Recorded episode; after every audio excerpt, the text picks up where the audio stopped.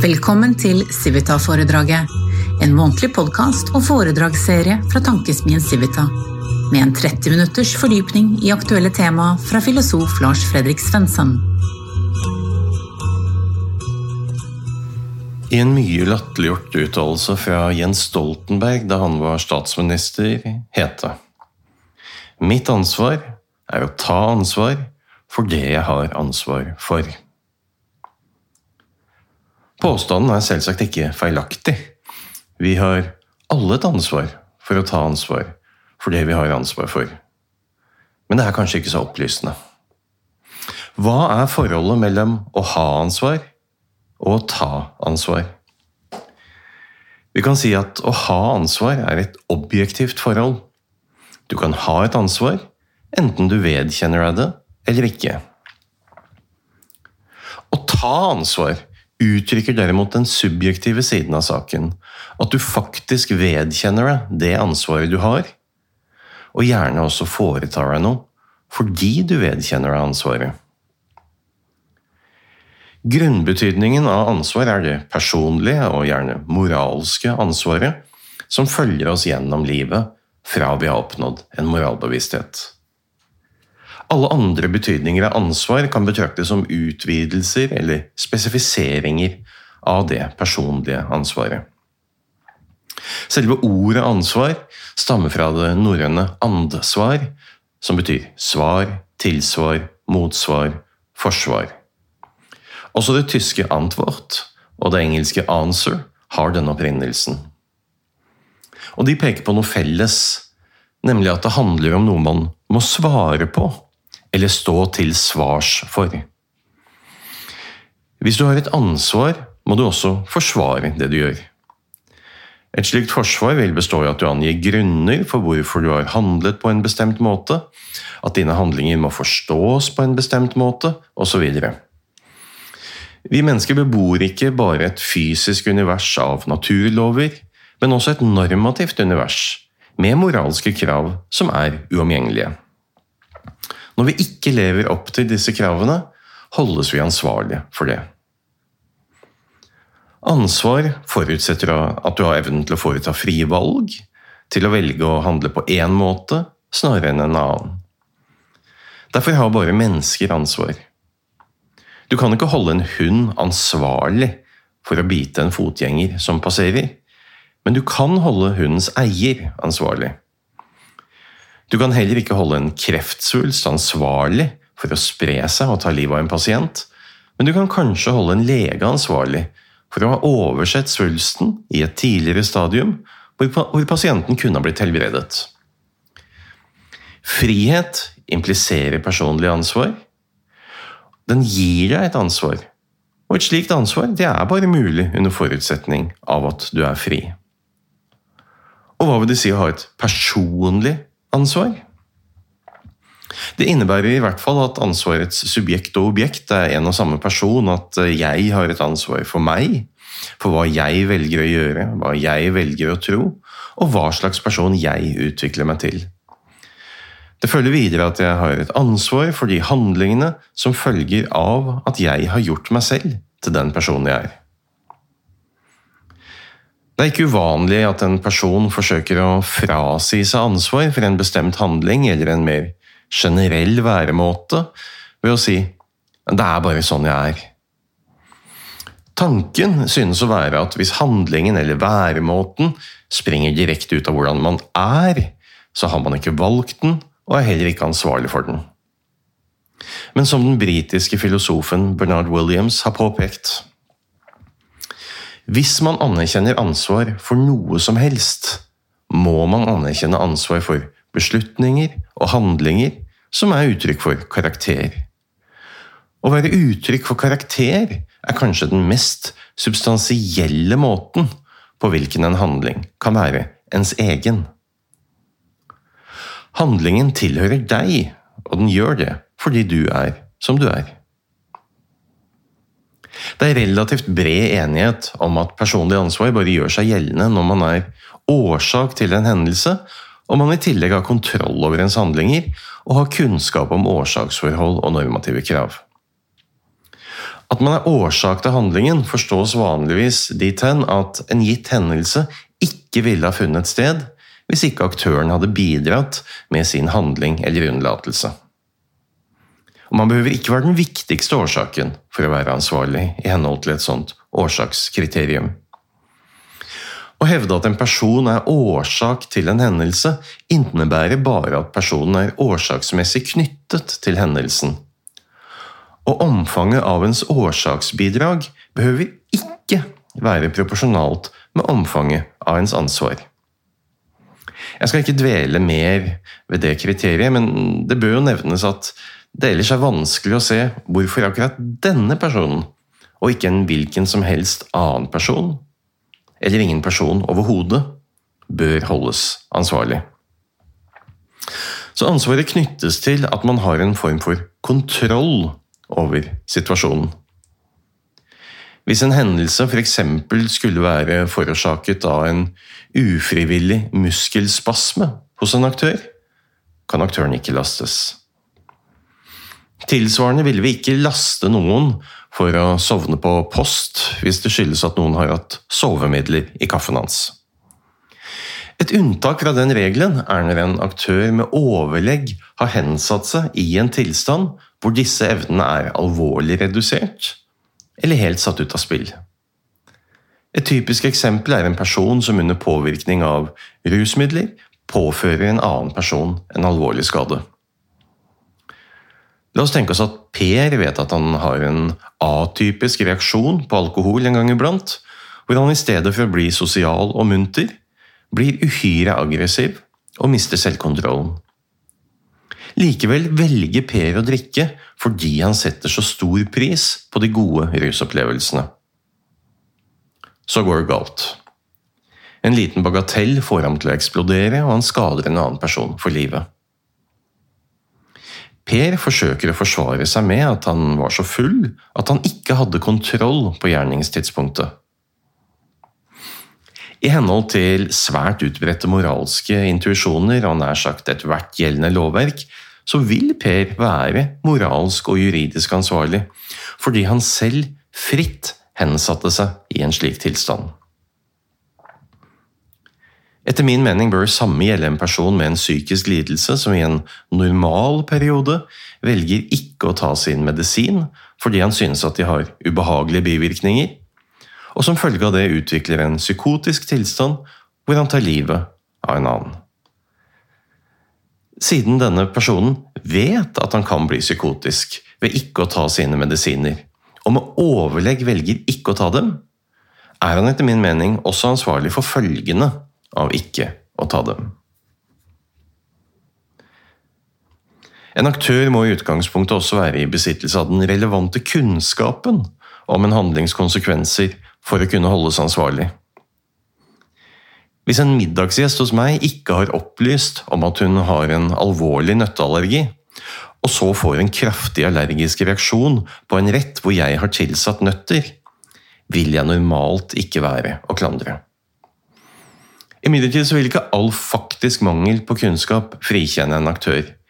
I mange tilfeller vil vi hevde at aktøren burde ha visst, fordi aktøren også hadde et ansvar for å skaffe seg den relevante kunnskapen. Et spesialtilfelle av ansvar vil være det formelle ansvaret man kan tillegges i kraft av å ha en stilling. Her vil tanken være at ansvaret til syvende og sist ender opp hos en person, fordi det endelige ansvaret må forankres i en person som er tildelt og har akseptert eh, dette ansvaret som en del av stillingen. Og da kan man bli sittende med hovedansvaret, selv om ens reelle årsaksbidrag er svært lite. Man kan altså i utgangspunktet bare holdes ansvarlig for handlinger som i en relevant forstand kan tilbakeføres til en selv, og hvor man kunne ha handlet annerledes. Dette ansvaret kan imidlertid utvides til at man også har ansvar for handlinger som er utført av andre. F.eks. hvis en underordnet har utført en kritikkverdig handling eller unnlatt å gjøre noe, og hvor man selv hadde ansvaret for at vedkommende var i posisjon til å handle på denne måten. Harry S. Truman hadde et skilt med påskriften 'The buck stops here' på sitt kontor i Det hvite hus, for å understreke at presidenten hadde som oppgave å fatte beslutninger, og at han hadde ansvaret for disse beslutningene. Hvilket ansvar du har, avhenger av hvilke roller du har. Som forelder har du ansvar for at barna dine har det bra, at de får utviklet evner som kreves for at de skal klare seg best mulig i livet, osv. Som dyreeier har du ansvar for at dyrene dine får mat og stell. Som arbeidstaker er du ansvarlig for å gjøre jobben din skikkelig. Som borger er du ansvarlig for å overholde landets lover. Som medmenneske har du et ansvar for dine medmenneskers ve og vel. Som et medlem av den nålevende generasjonen har du et ansvar for hva slags samfunn som etterlates til dine etterkommere, både med henblikk på miljø og økonomi. Det vil alltid, kunne diskuteres hvor omfattende ens ansvar er. I hvilken utstrekning har man f.eks. som voksen ansvar for ens foreldre når de blir gamle og syke? Flere undersøkelser tilsier at nordmenn i mindre grad mener at vi har et slikt ansvar, enn hva folk fra de fleste andre land mener. En forklaring på det kan være at vi i Norge i mindre grad oppfatter dette som et personlig ansvar, fordi vi har en mer omfattende eldreomsorg i statlig regi. Og hva vi holdes ansvarlige for, det varierer med tid og sted. Det samme gjør hvem som kan holdes ansvarlig. F.eks. er det store variasjoner i den kriminelle lavalderen, som er 15 år i de nordiske landene, 10 år i England og 7 år i India. I middelalderen og renessansen var det også en omfattende praksis med å avholde dyrerettssaker, hvor dyr ble stilt for retten og fikk oppnevnt forsvarsadvokat på lik linje med mennesker. Men vi betrakter ikke lenger dyr som ansvarlige for sin atferd. Og Et generelt utviklingstrekk er at klassen av dem som betraktes som ansvarlige subjekter, blir stadig mindre. Særlig fordi mange handlinger som tidligere ble betraktet som moralske brister, nå er redefinert til medisinske lidelser. Og det gjelder jo ikke minst ulike former for avhengighet. I hvilken utstrekning skal folk holdes ansvarlig for egen helse? I en viss utstrekning synes det å være rimelig å holde folk ansvarlig for skader og sykdommer de pådrar seg ved å handle på en bestemt måte, når de har eller bør ha kunnskap om risikoen forbundet med denne atferden. På den annen side så må vi ta høyde for at den aller viktigste faktoren som avgjør hvorvidt folk blir syke eller ikke, det er rett og slett flaks og uflaks. Hvorvidt man pådrar seg f.eks. kreft, avhenger i svært stor utstrekning av individuelle disposisjoner. De fleste som soler seg mye, får ikke hudkreft. De fleste som røyker, får ikke lungekreft, selv om det må påpekes at røyking er en høyrisikoatferd som overgår det meste. Samtidig som det virker rimelig å tillegge folk et visst ansvar for skader og lidelser de pådrar seg, må det påpekes at disse lidelsene og skadene også forårsakes av faktorer som ligger utenfor den enkelte aktørens kontroll. Ansvar for egen helse bør derfor betraktes som et nokså begrenset ansvar. Som nevnt innledningsvis innebærer ansvar å måtte stå til svar for hva man har gjort. Ofte har dette svaret karakteren av en ansvarsfraskrivelse, hvor man benekter at man egentlig hadde ansvaret for det som skjedde. En slik ansvarsfraskrivelse kan bestå i at man hevder at man ikke hadde tilstrekkelig kunnskap om eller kontroll over det som skjedde. Dette er et forsvar som består i å hevde at en aktør ikke handlet som en fri aktør på gjerningstidspunktet. En annen strategi er en vagere henvisning til at man er prisgitt omstendigheter man ikke har kontroll over, og f.eks. at man tilhører en eller flere offergrupper. Kampen om offerstatus er en kamp om å fritas for ansvar. Og vi ser en stadig tilvekst av nye offergrupper, og etter hvert kan de fleste mennesker synes å tilhøre eller å ha tilhørt en såkalt svak gruppe, enten det handler om barn, eldre, innvandrere, kvinner, fattige, syke osv. Det skal godt gjøres ikke å tilhøre én eller flere av disse gruppene, og alene i kraft av å tilhøre en slik gruppe er man på god vei mot offerstatus som et særlig utsatt individ med behov for beskyttelse. Å være offer er tilsynelatende å være fritatt for ansvar for situasjonen man befinner seg i. En annen form for ansvarsfraskrivelse består i at man hevder at ansvaret ikke var ens eget, til tross for at man oppfylte kriteriene for frivillig handling. Det gjør seg ikke minst gjeldende når flere aktører sammen har forårsaket en hendelse. Bevisstheten om det personlige ansvaret pulveriseres ofte når et individ er en del av en gruppe, og tenker at noen andre i gruppen vil eller bør ta ansvaret. Andres tilstedeværelse fører her til at et individ fraskriver seg et ansvar som individet ville ha tenkt at det hadde, hvis det hadde vært overlatt til seg selv. Og som Pete Hine spissformulerte det hver gang et ansvar blir delt mellom to, blir det bare 1% til hver. Det er heller ikke uvanlig at noen forsvarer en handling med at den ikke er ulovlig. Selv om man ikke kan stilles juridisk til ansvar for en handling, så betyr jo ikke det at man ikke kan holdes moralsk ansvarlig. Vårt moralske ansvar er mer omfattende enn det juridiske. Det er ikke tilstrekkelig å holde seg innenfor lovens rammer. Vi krever adskillig mer av en handling for at den skal ha moralitet, enn for at den skal ha legalitet. Lovene spesifiserer bare visse minstebetingelser for at en handling ikke skal være straffbar. Og vi vil ikke kalle et menneske, moralt, et menneske moralsk godt bare fordi det ikke bryter landets lover. Vi stiller jo det kravet til hverandre at vi skal være moralsk anstendige. Og Jeg kan ikke se noen som helst grunn til at det samme kravet ikke skal stilles til organisasjoner og til menneskene som arbeider i dem. Det er i dag et uh, mye sterkere trykk enn tidligere for å holde politikere, myndighetspersoner og næringslivsaktører ansvarlige for deres handlinger. Det er et sterkere påtrykk for at mennesker som fatter beslutninger som påvirker livene våre, også må stå til svars overfor oss.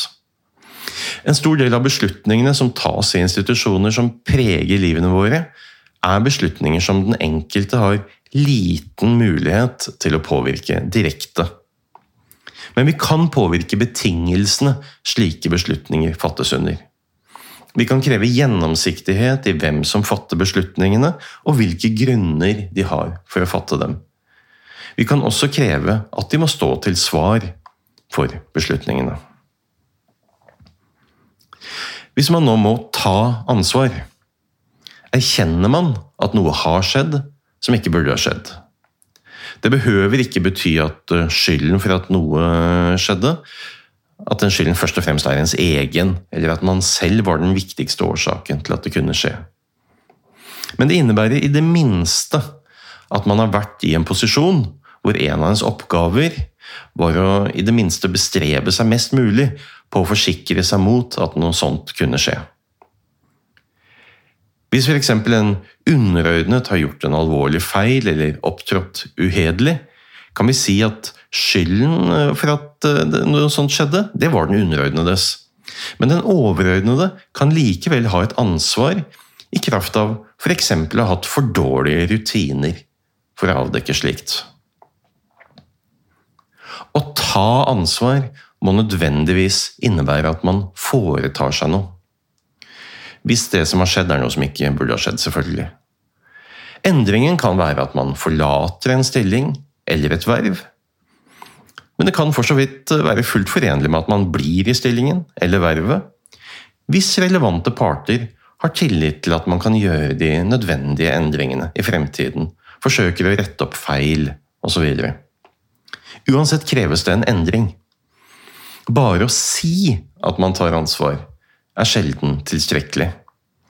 Å ta ansvar må ha en eller annen konsekvens for om man blir i stillingen, eller i det minste for hvordan man utfører ens oppgaver, hvis man blir. Så å ta ansvar hvis man er i en lederstilling, det behøver ikke innebære at man går fra, går fra stillingen. Særlig ikke hvis dem man står til svars overfor, ønsker at man skal bli. Hvis man er ansvarlig for at det er oppstått en uholdbar situasjon, kan man ta ansvar ved å bli i stillingen og rette opp det som er gjort feil, så fremt man gis en slik tillit av dem som har mandat til å gi den tilliten. Et beslektet eksempel kan være en familiefar som har gamblet bort alle familiens penger. Han tar neppe sitt ansvar ved simpelthen å forlate familien, men kanskje heller ved å gjøre sitt ytterste for å rydde opp i problemene han har skapt. Hvis en slik ektemann virkelig skal kunne sies å ta ansvar, må han fortelle sin ektefelle om det hele og fulle omfanget av hva han har gjort, uten å pynte på det og fortrinnsvis også om hva han har tenkt å gjøre for å rydde opp i elendigheten, hvis det overhodet er gjennomførbart. Og så får det være opp til ektefellen å avgjøre hvorvidt hun fortsatt kan ha tillit til ham. Hvis f.eks. en partileder ikke umiddelbart legger frem all relevant informasjon på en etterrettelig måte, enten det skulle dreie seg om et butikktyveri eller om inhabilitet, så har denne partilederen faktisk ikke tatt ansvar. Å legge det frem på en uetterrettelig måte, eller å legge det frem etter salami-prinsippet, der man deler pølsa opp i så tynne skiver som mulig, og kun legger frem nye salamiskiver etter hvert som man blir presset til det av pågående journalister og andre, snarere enn å legge hele pølsa frem til åpen skue, ja, det vitner jo om det diametralt motsatte av en vilje til å ta ansvar, nemlig vilje til å unndra seg ansvaret. Ta ansvar for på den måten muligens å kunne gjenopprette tillit, krever åpenhet. Uten åpenhet er det ikke grunnlag for tillit. Selvsagt kan man fortsatt gis tillit, men den tilliten er i så fall blind. Det er en tillit som mangler grunnlag, og sånn sett er det noe som ikke bør gis. Blind tillit innebærer å stole betingelsesløst på noe eller noen uten å ta høyde for at det kan være grunner til ikke å vise tillit. Den reflekterte tilliten, derimot, den tar motforestillinger innover seg. Den anerkjenner at det kan finnes tungtveiende, spesifikke grunner til ikke å vise tillit. Den reflekterte tilliten er alltid begrenset og betinget. Den hviler på åpenhet, på innsyn. Først når man har vist en tilstrekkelig åpenhet, har den reflekterte tilliten et reelt grunnlag.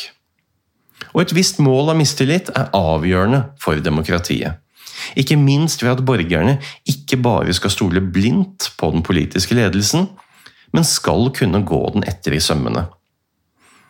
Man kan si at man må skape rom for demokratisk mistillit for å skape genuin demokratisk tillit. Hvis man er statsråd, da vil det normalt være ganske opplagt at man må gå hvis man må ta ansvar for noe tilstrekkelig alvorlig. I første omgang er det statsministerens oppgave å bytte ut vedkommende. Og hvis statsministeren ikke tar det ansvaret, kan det reises mistillitsforslag i Stortinget. Hvis det ikke oppnås eh, flertall, så er det da ikke annet å gjøre enn eventuelt en riksrettssak i ekstra alvorlige tilfeller. Det er ikke noe annet å gjøre enn å la velgerne få felle sin dom over regjeringen ved neste valg. Det kan oppleves urettferdig hvis det var en annen som gjorde feilen, men hvor ansvaret ligger hos statsråden. Poenget er at en statsråd må ha tillit i folket.